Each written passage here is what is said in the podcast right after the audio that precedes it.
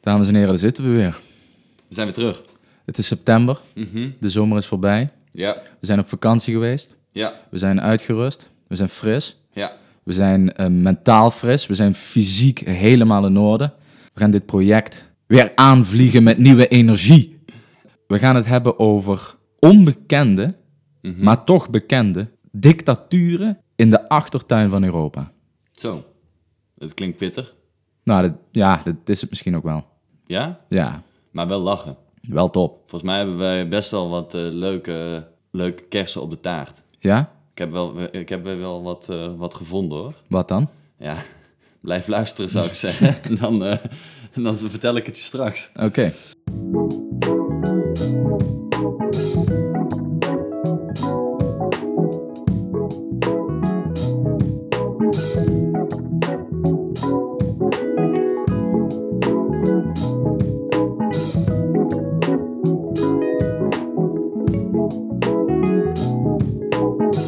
Laten we, maar laten we dan wel even bij het begin beginnen. Ja. Want je zegt, we gaan het hebben over eh, dictaturen Mhm. in Europa. Dan denk ik, maar Max, in Europa, daar hebben we toch helemaal geen dictaturen? Ofwel, wat is een dictatuur? Laten we daarmee beginnen. Wat, is, wat houdt dat dan in, een dictatuur? Nou, volgens mij is dat een, eh, een staatsvorm waarbij één iemand de dienst uitmaakt. De dictator. Ja, Ik noem een Nazi-Duitsland. Ik noem een... Noord-Korea. Juist. Dus het is eh, gewoon één persoon die de dienst uitmaakt. Daar komt het op neer, toch? Ja. En hebben wij dat in Europa? Zeg maar, ja, we hebben natuurlijk ehm, Rusland. Mhm. Dat denk ik dan aan. Is, is Rusland dan een eh, dictatuur? Eh, ik, ja, daar zijn de meningen een beetje over verdeeld. Hè? Ik zou zeggen van niet. Ja, ik denk soms dat het een beetje een, een hybride is of zo. Dat het er tussenin valt. Want we zijn het er wel allemaal over eens in de wereld dat, we, dat democratie de, de way to go is. Maar zelfs Noord-Korea noemt zich Democratic Republic of Korea. Zelfs Noord-Korea. En dat is en geen republiek en geen democratie. Nee, precies. Dus die naam, ja goed, dat... eh, Nee. Maar we zijn het dus wel allemaal over eens dat je democratie moet zijn. Bij Rusland denk ik altijd, jullie vallen daar een beetje tussen. Want jullie, zijn, jullie hebben wel verkiezingen, jullie hebben verschillende politieke partijen. Maar ja, Poetin zorgt daar dan met zijn eh, mannetjes zo voor dat hij eigenlijk toch wel de verkiezingen wint. En dat de oppositiepartijen ehm, ja, eh, eh, beschuldigd worden van belastingfraude en dus de weken voor de verkiezingen de cel ingaan. Dus ja, het valt er een beetje tussenin, heb ik altijd het idee. En verder hebben we natuurlijk in Europa ook wel steeds meer tendensen. Als, ik noem een Turkije, ik noem een Hongarije, een, een Polen. Bedoel, Erdogan die trekt natuurlijk steeds meer de macht naar zichzelf toe. mhm.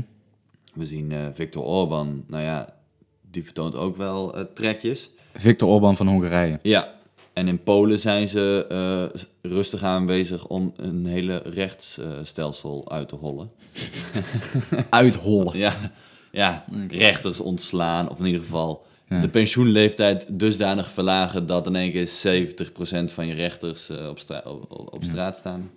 Met pensioen zijn. Number one dictator move. Ja, Ontslaan rechters. ontslaan rechters en vervang ze met rechters die eh, Ja. ja, dikke vrienden met jou zijn. Ja, is vet chill. Ja, voor die, voor die partij wel. Voor de rechtsstaat misschien iets minder. Dat zou ik ook doen. Als ik een, recht, als ik een eh, dictator was. Maar ehm, wij zouden met een korreltje zout niet zijn als wij, het, als wij niet met iets leukers zouden komen dan Viktor Orban. Dat kennen we, dat lezen we allemaal wel eens. We lezen ook wel eens over Poetin die weer... Dat zijn allemaal wel bekende voorbeelden. Maar volgens mij hebben wij wel wat gevonden wat dan net iets obscuurder is. En ook gewoon in Europa is. Juist. Ja, Steek van wal. zal ik, er een, eh, zal ik er een noemen? Als ik zeg dat er in het centrum van Europa een theocratische dictatuur ligt, wat denk jij dan? Nou, dan, dat, eh, dan gok ik. Maar dit is, dit is puur een uit de lucht gegrepen gok. Dan denk ik... eh, het Vaticaan? Klopt dat? Dat zit je toch wel goed, ja. Goh. Ja, nee, het Vaticaan, wat dus gewoon een, eh, een land is, hartje Rome, maar dat is dus een dictatuur. Want de paus is daar gewoon de, de, de machthebber. Die heeft hij in zijn eentje, bepaal, kan hij alles bepalen. Dus hij kan morgen een streep zetten door de grondwet van het Vaticaan en, eh, en bedenkt iets anders. Ehm, hij kan jou en mij morgen een paspoort geven maar ook overmorgen weer afpakken. Ja. Zonder dat hij daar eh, verantwoording voor hoeft af te leggen. Dus dat is top. Ja, dat is, dat is vet chill voor hem. Ja. Hij kan gewoon doen en laten wat hij wil. Maar dat kon hij sowieso al, geloof ik. ja, ik denk dat... Ook als Vaticaanstad geen grondwet had gehad. Maar jij zegt net trouwens, dat vind ik wel interessant. Jij zegt een, een theocratie. Ja. Maar wat, dus een, die, dat land heeft een grondwet, maar wat maakt dan die grondwet theocraat, wat maakt zo'n land theocratisch dan? Nou, ja, in essentie natuurlijk dat de, dat de paus daar zit. En dat is natuurlijk het hoofd van de christelijke kerk. Ja. Ehm, En hij is een soort divine figure. ja, dat is wel vet. Hun grondwet, artikel 1 van hun grondwet, zegt dat de Supreme Pontiff eh, has the fullness of legislative, executive and judicial powers. Dus hij heeft van alle drie de takken van de overheid, dus de wetgevende, uitvoerende en rechterlijke macht, heeft hij daar de touwtjes van in handen. Die mag hij, kan hij allemaal volledig naar zijn hand zetten. Gast, Dat is relaxed, top, dat is man. toch top. Ja. Nu zijn er natuurlijk niet heel veel mensen die in Vaticaanstad wonen. Wonen daar, eh, afgezien van een, een, een handvol geestelijke en wat diplomaten, en natuurlijk politieagenten, eh, dat soort zaken, wonen daar ook burgers? Ja, je hebt er een aantal. Er wonen, eh, ja, er wonen wel wat mensen. Dat zijn dan wel vaak mensen die werken. Of ja, het zijn gewoon mensen die werken voor het Vaticaan. Dus eh, volgens mij het hoofd van de, de bank van Vaticaanstad. Die woont daar dan ook. Maar die mensen hebben niet altijd ook een paspoort. Het zijn dan vaak gewoon Italianen of gewoon andere, andere burgers. Ja. Ja, dus dat, er zijn wel mensen die in Vaticaanstad wonen, maar die hebben dus niet altijd een, het paspoort van Vaticaanstad. Want de meeste mensen die een paspoort hebben van Vaticaanstad, die wonen niet eens in Vaticaanstad. Die, die wonen, dat zijn gewoon diplomaten in een ander land. Ja. Dus als je een paspoort van Vaticaanstad hebt, dan ben je wel eh, onderhevig aan een theocratische dictatuur. Dan moet je je op zondagmorgen moet je je gewoon netjes melden. Ja, En, ge- en, en geen flauwe kulletjes. nee, precies. Anders dan eh, gaat er een streep door het paspoort. Jammer. Ja, ja. Maar goed, dit is natuurlijk een. eh, dit beïnvloedt niet heel veel mensen. Nee. Anders dan bijvoorbeeld Wit-Rusland. Ja, Want daar wonen gewoon 10 miljoen man. 10 miljoen. Ja, 9,5. Mag niet Ja. liegen. maar ik hou, eh, ik hou van overdrijving. Ja. Ik ben daar eens even ingedoken. Mhm. En eh daar zit eh dus wel een boefje staat. Ja? Ja. Its first and only president, Alexander Lukashenko, has been in power for 22 years, winning five straight electoral rounds that international observers have judged as neither free nor fair. Despite constitutional provisions for freedom of the press, criticism of the president or the government is considered a criminal offence. Offending journalists have been beaten, blacklisted, and jailed. Ja, je hebt dus, eh het is ook niet zo oud, hè? dus dat is na de val van de Sovjet-Unie zijn die mannen eigenlijk voor het eerst echt een eigen staat geworden. Belarus, Wit-Rusland. Ja, in het Engels heet het Belarus. Ja, volgens mij kun je in het Nederland ook wel Belarus zeggen. Ja, ja. Belarusia of zoiets. Wit-Rusland in het Russisch. Oh, oké.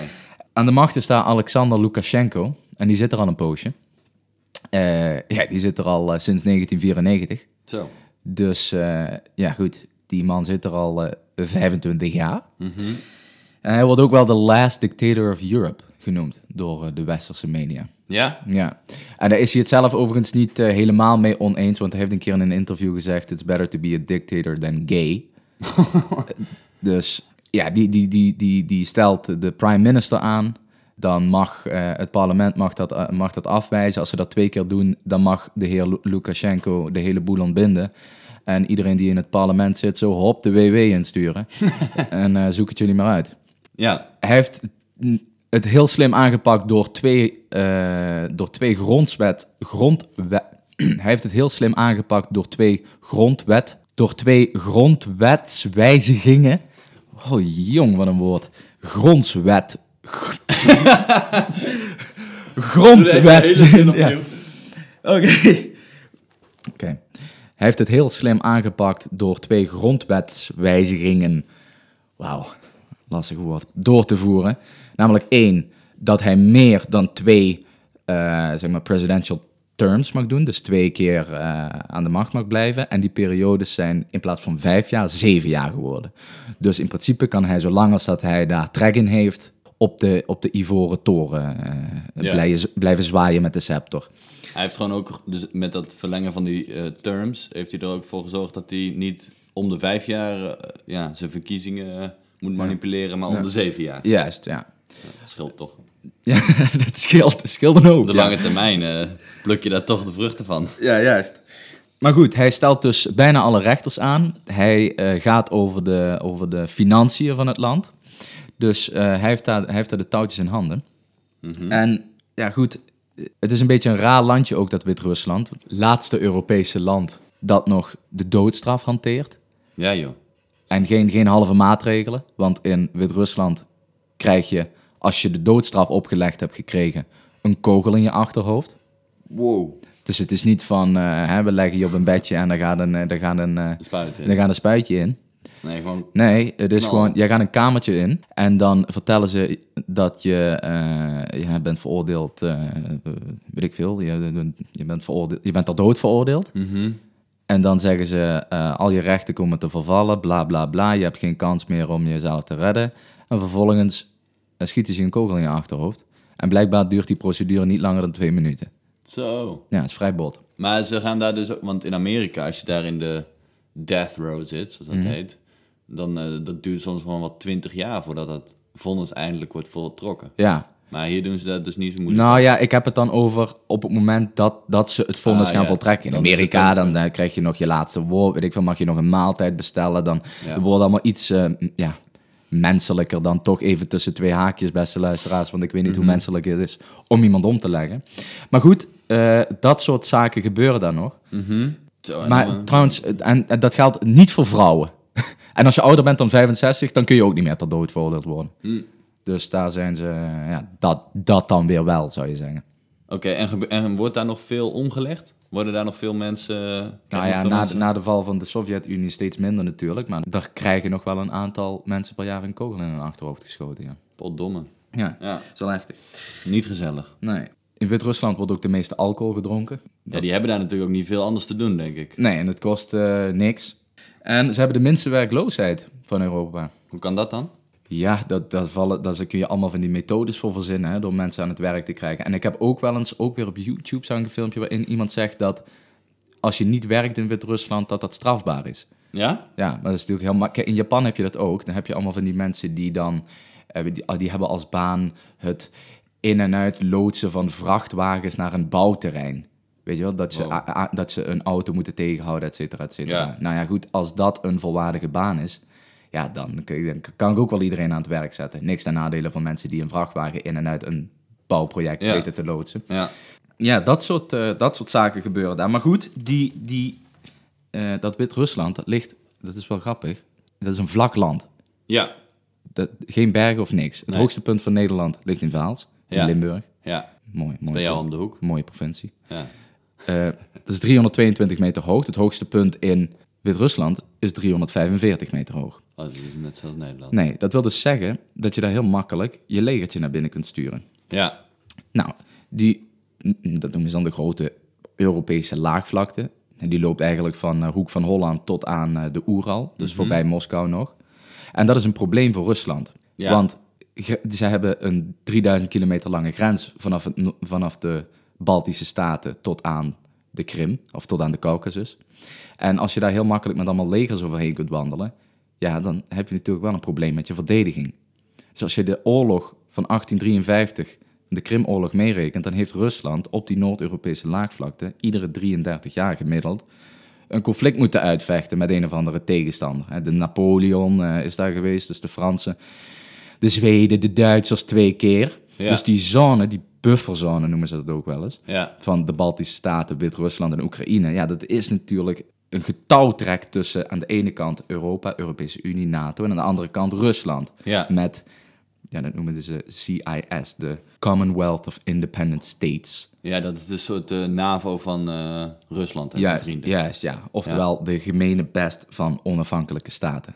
Maar dus je zegt eigenlijk is zo'n Wit-Rusland uit de grond gestampt Mhm. Als in de onafhankelijk land om als buff- bufferzone te, te fungeren tussen Nou, Rusland aan de ene kant en dan Europa nou aan ja, de in, andere. in, in Wit-Rusland wonen natuurlijk eh, heel veel Wit-Russen. Ja. Dat zijn etnische Wit-Russen, dat is dan weer iets anders dan een Rus. Oké. Maar ehm, wat er natuurlijk gebeurt, is dat, dat zie je ook in Oekraïne. In Oekraïne heb je in het oosten, en een gedeelte van dat gebied is nu geannexeerd, zit Rusland nu. Ja. Want die willen gewoon simpelweg die grens bewaken. En die willen dat land, die willen Rusland veilig houden. Want het westen van Oekraïne geldt, neigt heel erg naar de Europese Unie, NAVO, NATO, whatever. Ja, Ze moeten er natuurlijk voor zorgen dat dat niet ook in Wit-Rusland gebeurt. Dus die, die, die sluiten een bondje. Met wie, in dit geval is dat Ale- Alexander Lukashenko, maar dat hadden ook, weet ik veel, Auke Roos of Max Severijns kunnen zijn die daar zit. Als die maar bevriend blijft met, met de motherland. ja. Oké? Mother Russia. Dus eh, wat, me, wat me misschien wel eens vergeten is dat hele dictatuur, bla bla bla. Dat, dat, heeft er, dat heeft uiteindelijk gewoon te maken met popjes, oorlog. Dat is gewoon een grens, die moet bewaakt worden. We hebben daar het liefst niet dat daar iemand met een tank overheen rijdt. Of met een, eh, of met, met, met een groepje mensen, met een, of weet ik veel. Ja, We hebben liever niet dat iemand daar overheen gaat. Ja. Dus moet dat beschermd worden. ja, En dat is de reden dat je ziet dat die landen wat aan Rusland grenzen, dat dat allemaal van die, hoe moeten we dat eigenlijk noemen? Eh, Van die ja. surrogaat, surrogaat Ja. eh, zeg maar, opblasten zijn. Ja, Rusland probeert, probeert daar natuurlijk altijd een, een poppetje neer te zetten die in hun eh, voordeel werkt. Juist. Ja, dat is wel interessant. Wat je zegt, Rusland heeft eigenlijk sinds, wat was het, 1830, iedere 33 jaar een oorlog gevoerd, Ja. gemiddeld. Maar dat vergeten we natuurlijk soms een beetje. Dat, zeker wij in Nederland, oh, het is altijd eh, peaceful, veilig, sinds de Tweede Wereldoorlog, maar goed. Dat we denken, nou, we kunnen altijd alle problemen wel oplossen door eh, ja, rond een tafel te gaan zitten en dan komen we er wel, on- we komen er wel uit, want we willen toch geen oorlog. Dat willen we niet meer. Dat, dat, is, dat is iets van vroeger. Mhm.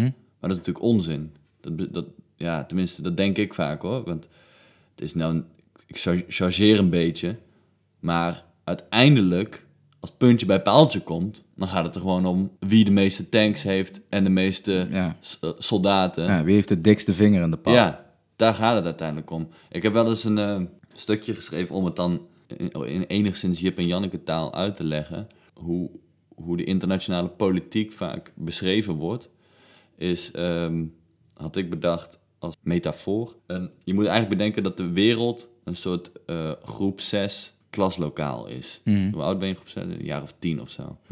Nee, iets jonger. 7, 8. Goed. Dus bedenk je dat eigenlijk ieder land is een kindje in zo'n klas. Maar eh, het grote verschil is dat er geen juffrouw of meester is. Je bent gewoon een klas met kinderen en je, je regelt het maar. Dan moeten de Lego-blokken verdeeld worden. Precies. Dus eh, dan kun je een aantal strategieën toepassen. Mhm. Of je wordt gewoon eh, eh, groot en sterk en je slaat gewoon ieder, ieder ander kind neer. Dus Mhm. dan word je gewoon een pestkop. Ja. Maar ja, dan kun je waarschijnlijk wel de meeste Lego-blokken pakken. Ehm, maar ja, als je nou niet zo groot en sterk bent, dan je bent gewoon een, klein fragiel ventje, Ja, Dan moet je gehaaid, vies mannetje zijn. dan moet je, ja, dan moet je een soort bondjes, dan moet je vriendjes maken. Ja. En als je dan genoeg vrienden hebt, dan ben je eigenlijk ook wel sterk, want dan ben je gewoon met meer. Ja. Nou ja, zo werkt het natuurlijk ook in de wereld. Kijk, wij Nederland, alleen Nederland, zijn we natuurlijk gewoon maar een klein fragiel landje. We zijn niet zo groot. Dus wat doen wij? Wij gaan vrienden maken met de, met de Europese Unie, met Amerikanen, zijn wij goede vrienden mee. Nou ja, en een Rusland of een Amerika, dat zijn eigenlijk de grote bullenbakken. Ja. Die slaan om zich heen en die, die, die regelen het. mij eh, de, de afgepakt. kernwapenbom. Hij heeft mij de kernwapenblokken weggehaald. Hoppatee. Maar er is geen juffrouw waarbij je kunt gaan lopen zeiken, Nee. want de VN... Ja, dat kan eh, ook niks. Nee, dat, de- we zouden de VN misschien wel kunnen vergelijken met een, met een juf. Ja, Of in ieder geval met een voorzitter. kun je proberen, maar de ja. klasse, hoe noem je dat? De klassevertegenwoordiger. Ja. ja. Nee, maar die gaat maar ja, de- de- uite- als, ja, uiteindelijk komt eh, eh, een China of een Rusland, ja, die hebben natuurlijk ook lak aan de VN als ze echt willen. Ik Ja. bedoel, kijk naar hoe het hele Midden-Oosten nog steeds in vuur en vlam staat. Mhm. Dus het komt er uiteindelijk gewoon op neer dat je gewoon meer soldaten, meer tanks, meer kernwapens moet hebben dan jouw buurman. Ja, Want anders dan heeft jouw buurman er meer en dan delf jij het onderspit. ja. Zo geldt dat natuurlijk ook in zo'n land als Wit-Rusland, Rusland. Eh, ja, wat jij zegt, Wit-Rusland wordt gewoon eigenlijk als een soort poppetje gebruikt Mhm. Door Rusland. ja. Ja, Dus om die reden is het ook niet raar dat dat dan een, een, een, een, dicta, een dictatuur is. nee, precies, want dat kun je ook makkelijker Waar het niet dat de. Baltische Staten geen dictaturen zijn. En die zijn natuurlijk ook lid van de Precies, NAVO. die, die hebben zich dan weer bij ons eh, groepje gevormd. Ja, Die eh, vonden ons dan weer... eh, ja, dus Leuk. de Baltische Staten die zijn recalcitrant aan het doen aan die grens. Oekraïne is recalcitrant aan het doen aan die grens. Nou, daar moet Ja. wil Rusland absoluut niet bij komen. nee, Want dan eh, draait eh, Poetin zich eh, ja. ja, niet om in zijn graf, maar hij zal zich wel achter zijn oren krabben.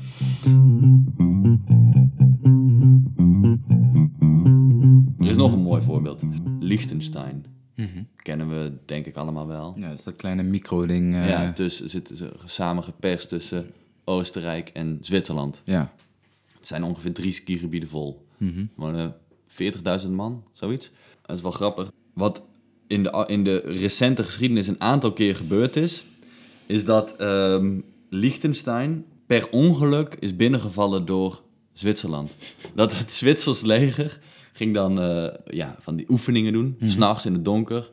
En toen eh, stonden ze per ongeluk in één keer in Liechtenstein.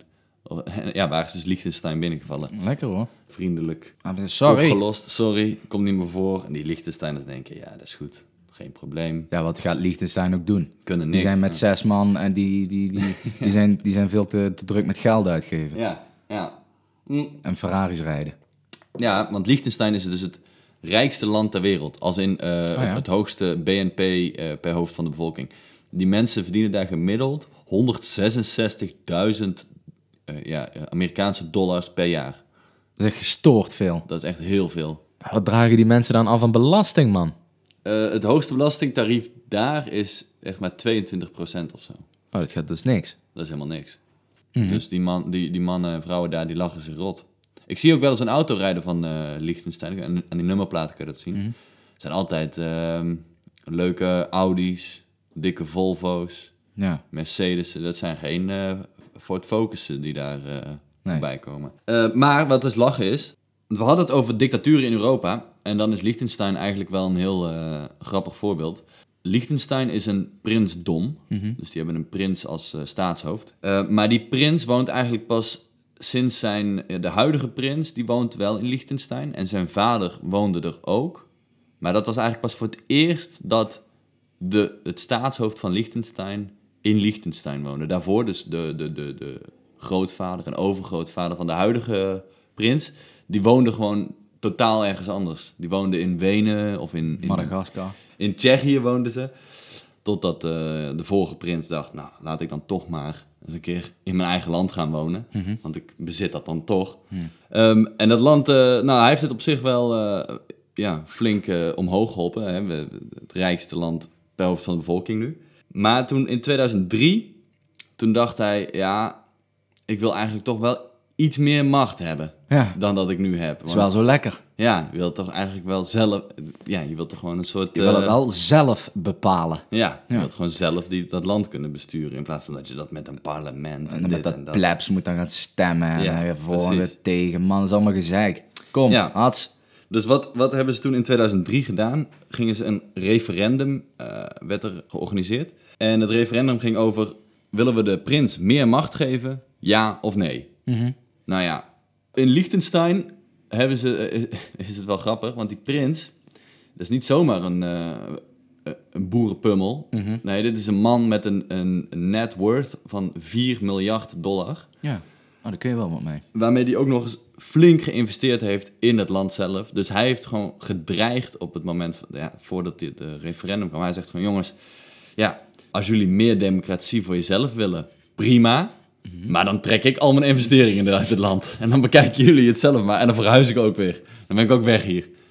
dus hij hield gewoon de, die bevolking een beetje eh, gegijzeld. Ja, en uiteindelijk hebben ze dus, eh, heeft die bevolking gestemd om hem meer macht te geven. Dat is echt, dat is echt gestoord. Het klinkt een beetje als een vader die dan zo zegt... Oké, jullie hebben twee opties. Of we gaan naar Disneyland Parijs. Wauw! Of we gaan een midweek eh, fietsen over eh, de, de Utrechtse heuvelrug bij Driebergen Zeist. Ah, saai. Jullie mogen kiezen. Maar als jullie naar Disneyland Parijs willen, betalen jullie het zelf. en dan verhuist papa. Dan gaat papa weg bij jullie. Papa verhuist dan naar New York. En dan blijven jullie achter. Dus jongens, wat doen we? Ja, precies. Dus het Hele- je bent helemaal vrij in je keuze. Dus die Liechtensteiners dachten... Dat is wel een vrije keuze. Ja, die hebben heel... Dus, dus Liechtenstein is een van de weinige landen die democratisch gekozen heeft voor minder democratie. Wauw. Hetzelfde wat in Turkije is gebeurd. Want in Turkije hebben ze die, ja, dat is een referendum voor die 19 amendementen van de grondwet. Waarin ook zoiets stond van meer, meer macht naar, eh, naar Erdogan en e- meer macht. eh, Sorry, en Erdogan die mag eh, rechters ontslaan en aanstellen en noem het allemaal maar op. Met andere woorden dus, minder, minder democratie. Ja. En dat was niet die hele rel, omdat ze Ja. toen ook politiek, toen hebben ze politieke campagne, dus Ja. Mhm. politieke propaganda, gevoerd in, in, in de landen waar heel veel Turken wonen. Dus Ja. Bijvoorbeeld Nederland. Ja. En eh, ja, dat lijkt me natuurlijk niet de bedoeling, dat de Turkse Nederlanders bepalen wat er gebeurt met de Turken in Turkije. Want zij vallen niet onder dat wetsysteem, dat is lekker makkelijk. ja. Nee, doe maar eh, minder eh, democratie voor Turkije. Ja, ik woon daar toch niet, dus het maakt, het maakt mij allemaal niks uit. Ja, nee, zo, eh, zo hebben de Liechtensteiners het ook allemaal maar even uit handen gegeven. Nou, niet allemaal, want het is daar geen dictatuur in de... Het is geen, het is geen Noord-Korea. Het is geen Wit-Rusland. Nee, het is ook geen Wit-Rusland.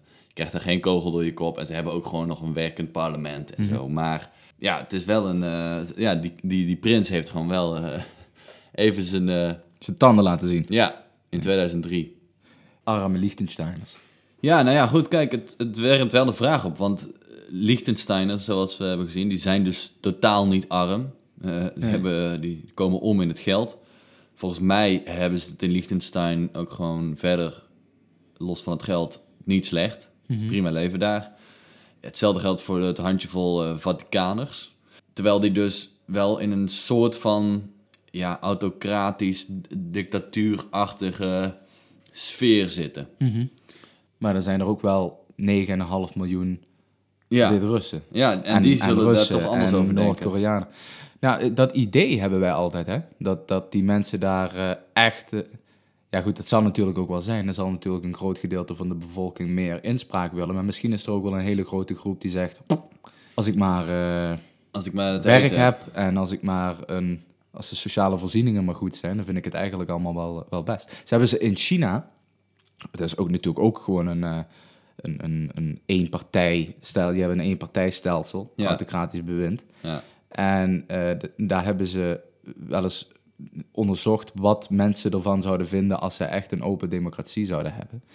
En die mensen zijn helemaal niet zo eh, bezig met democratie. Sterker nog, die zeggen, ja, dat, die Chinezen zeggen over zichzelf dat ze misschien wel helemaal niet klaar zijn Ja. voor een democratie. Met Ja, andere het woorden, is, ehm, ja, arme Liechtensteiners zeg ik nu wel, maar dat valt misschien nog wel mee.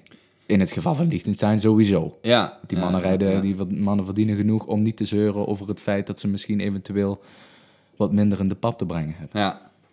ja, het is een interessante... ehm, ik hoor graag wat mensen hiervan denken. En dat kan. Je kan ons een berichtje sturen op onze Instagram-pagina of laat een comment achter. Volg ons. In ieder geval, bedankt voor het luisteren. En we hopen jullie de volgende keer weer te mogen vermaken. Bedankt. Tot ziens.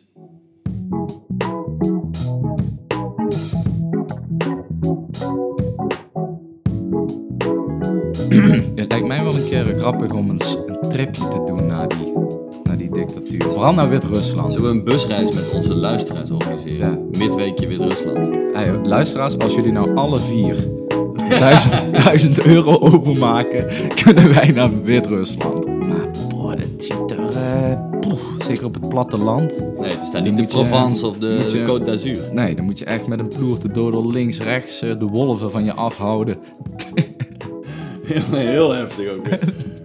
Links echt de wolven van je afschoppen. dat is... eh, eh, ja, dat dus. Ja, eh, Een beestenboel. een beestenboel.